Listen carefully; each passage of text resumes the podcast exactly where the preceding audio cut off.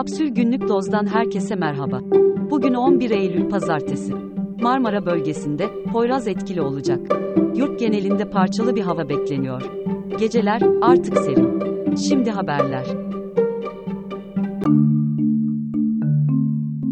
Fas'ta, Cuma gecesi yerel saatle 23.11'de meydana gelen 6.8 büyüklüğündeki depremde can kaybının 2000'i aştığı açıklandı.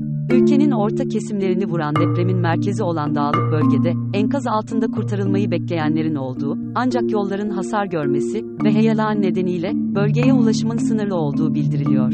Birleşmiş Milletler'e göre, Marrakeş ve civarında 300 binden fazla insan depremden etkilendi.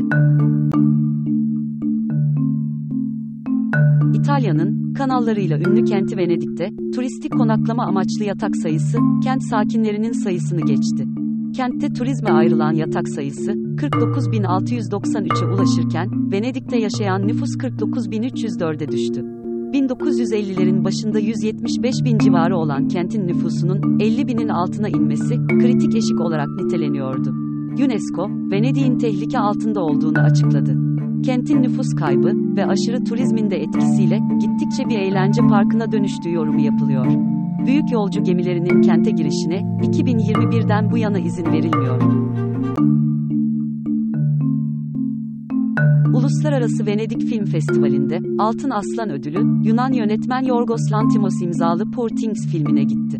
En iyi kadın oyuncu ödülü, Elvis Presley'in hayatını anlatan Priscilla filmindeki performansıyla, Kaylee Spain'in en iyi erkek oyuncu ödülü ise, Memory'deki performansıyla Peter Sarsgaard'ın oldu. Daha fazlası için kapsül.com.tr adresini ziyaret edebilirsiniz.